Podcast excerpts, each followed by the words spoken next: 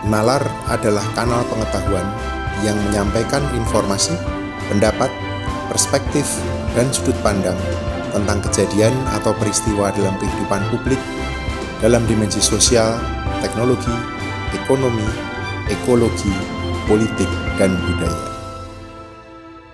Selamat datang di kanal Nalar, mencari makna dalam peristiwa. Saudara-saudara, pernahkah di suatu hari yang cerah Anda mengenakan kacamata hitam? Apa yang nampak? Bagaimana dunia terlihat oleh Anda?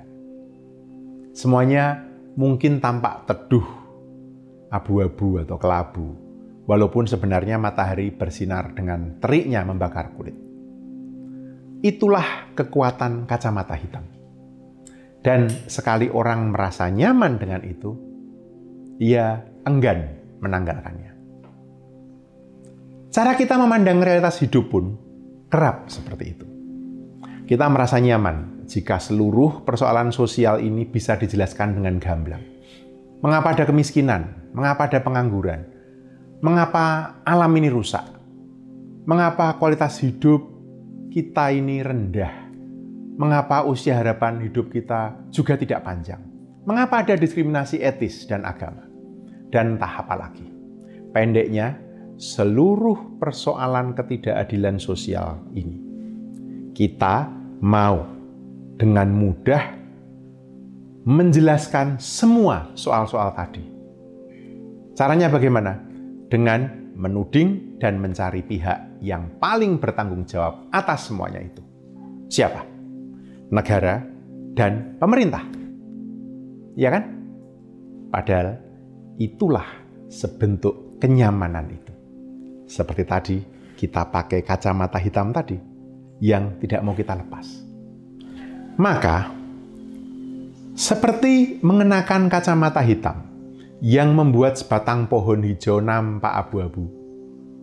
Kalau kacamata tadi kita lepas sejenak saja, kita akan segera melihat bahwa cara pandang itu tidak lengkap. Bukan salah, tapi tidak lengkap. Selama ini, kita melihat bahwa negara dan pemerintah adalah satu-satunya pemegang kekuasaan yang menentukan mati hidupnya atau sejahtera tidaknya banyak orang. Akibatnya, praktek kekuasaan negara menjadi satu-satunya alat penjelas atas berbagai gejala sosial yang tadi saya sebutkan, kemiskinan, ketimpangan, rusaknya lingkungan, dan lain-lain. Misalnya, kemiskinan adalah kegagalan negara mengelola sumber daya. Sebagaimana kita melihat pengangguran sebagai ketidakmampuan negara menjamin adanya lapangan kerja bagi rakyatnya. Atau hancurnya lingkungan semata-mata karena negara gagal menjalankan produk-produk hukumnya. Benarkah hanya negara yang berkuasa? Dan karenanya, hanya dari negara, pertanggungjawaban dituntut dan ditimpakan? Dari beberapa penelitian sebelum krisis moneter 97-98 di Indonesia, didapatkan bahwa 20 perusahaan dengan aset 150 sampai 450 miliar rupiah, 80 persennya adalah perusahaan milik keluarga yang sedang berkuasa. Di samping itu, ada sekitar 400 perusahaan dengan aset 25 sampai 100 miliar. Di mana 80 persennya adalah milik dari 20 perusahaan tadi. Di luar itu, dengan aset hingga 600 juta, termasuk 3,8 juta perusahaan kecil dan menengah yang tak tersentuh sistem perbankan, semuanya berjumlah kurang lebih 13 juta Jumlah ini 13 juta adalah perusahaan-perusahaan gurem, perusahaan-perusahaan kecil. Itu sebelum krisis moneter 97-98. Bagaimana dengan saat ini? Berdasarkan laporan Credit Suisse yang bertajuk Global Wealth Report 2018, 10% orang paling kaya di Indonesia menguasai setidaknya 75,3% total kekayaan penduduk dewasa. Sementara satu persen orang terkaya mendominasi 46 persen total kekayaan penduduk dewasa. Data ini menunjukkan bahwa ketimpangan kekayaan yang terjadi di masyarakat masih amat tinggi.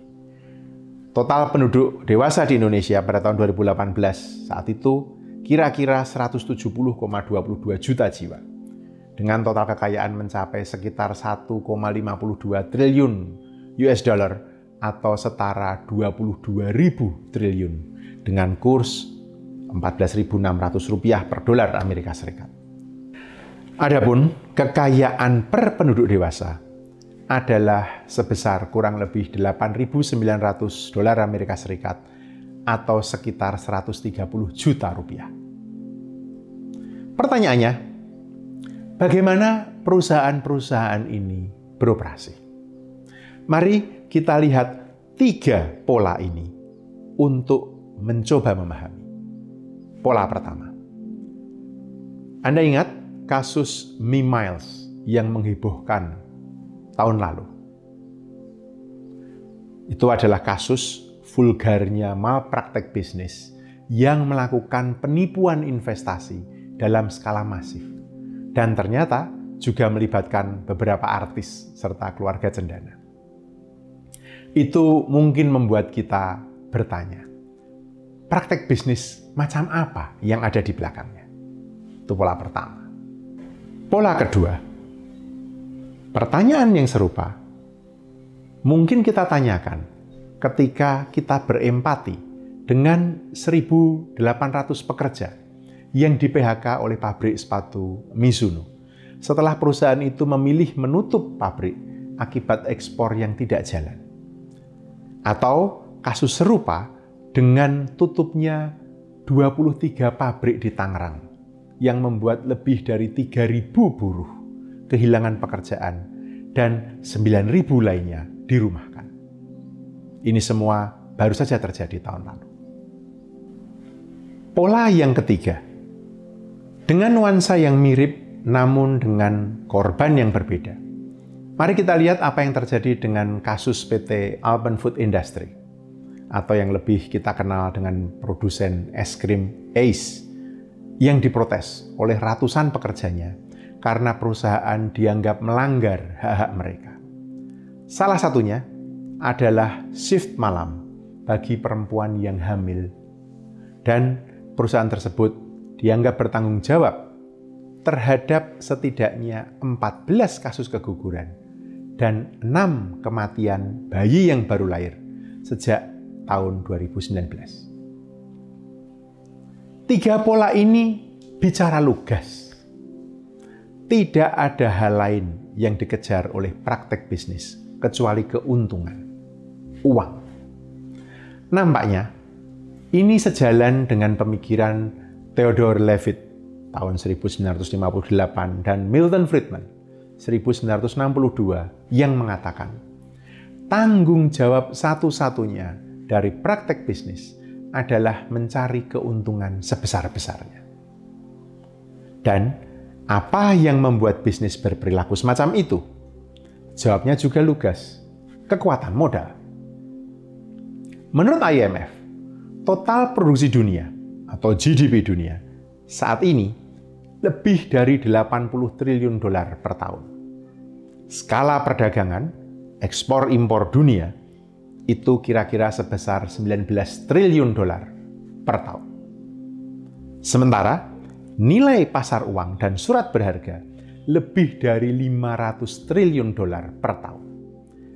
Apa artinya? Artinya ada virtual value dari produksi dunia lebih dari 420 triliun dolar. Bagi para ekonom, konsep added value mesti dilengkapi dengan virtual value. Kalau tidak ingin ketinggalan kereta pikir ekonomi modern ini. Namun bersama dengan itu, konsep dan gagasan tentang kekuasaan pun mesti diperbarui. Mengapa? Pada tahun 2020, nilai kapitalisasi virtual value New York Stock Exchange di Amerika Serikat itu kira-kira sebesar 22,9 triliun dolar. Padahal di tahun yang sama, nilai GDP Amerika Serikat sebesar 21,43 triliun dolar per tahun. Sedangkan kalau mau kita bandingkan, GDP gabungan negara Uni Eropa saat itu hanya 18,29 triliun per tahun.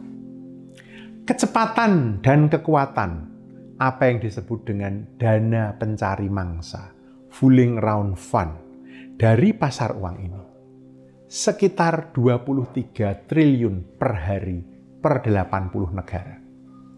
Bahkan Amerika Serikat sendiri pun bukanlah apa-apa di depan kekuatan modal ini. Fakta di atas menunjukkan bahwa negara di mata kekuasaan modal sudah dilucuti. Maka nampaknya pembicaraan mengenai kekuasaan tidak boleh hanya terhenti pada negara.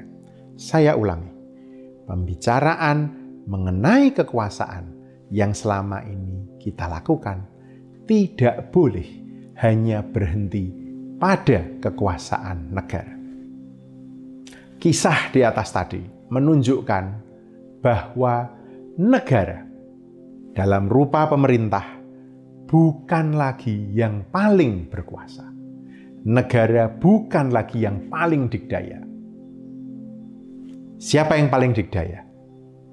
Nampaknya saat ini kekuasaan modal termasuk menjadi penentu merah putih terang gelapnya hidup bersama kita. Hal ini membawa konsekuensi mendasar dalam cara pandang kita mengenai demokrasi. Pembicaraan mengenai demokrasi tidak bisa lagi dilakukan dengan pengandaian bahwa negara dalam rupa pemerintah adalah satu-satunya pemegang kekuasaan dalam masyarakat. Saya ulangi. Pembicaraan mengenai demokrasi tidak bisa lagi dilakukan dengan pengandaian bahwa negara dalam rupa pemerintah adalah satu-satunya pemegang kekuasaan dalam masyarakat.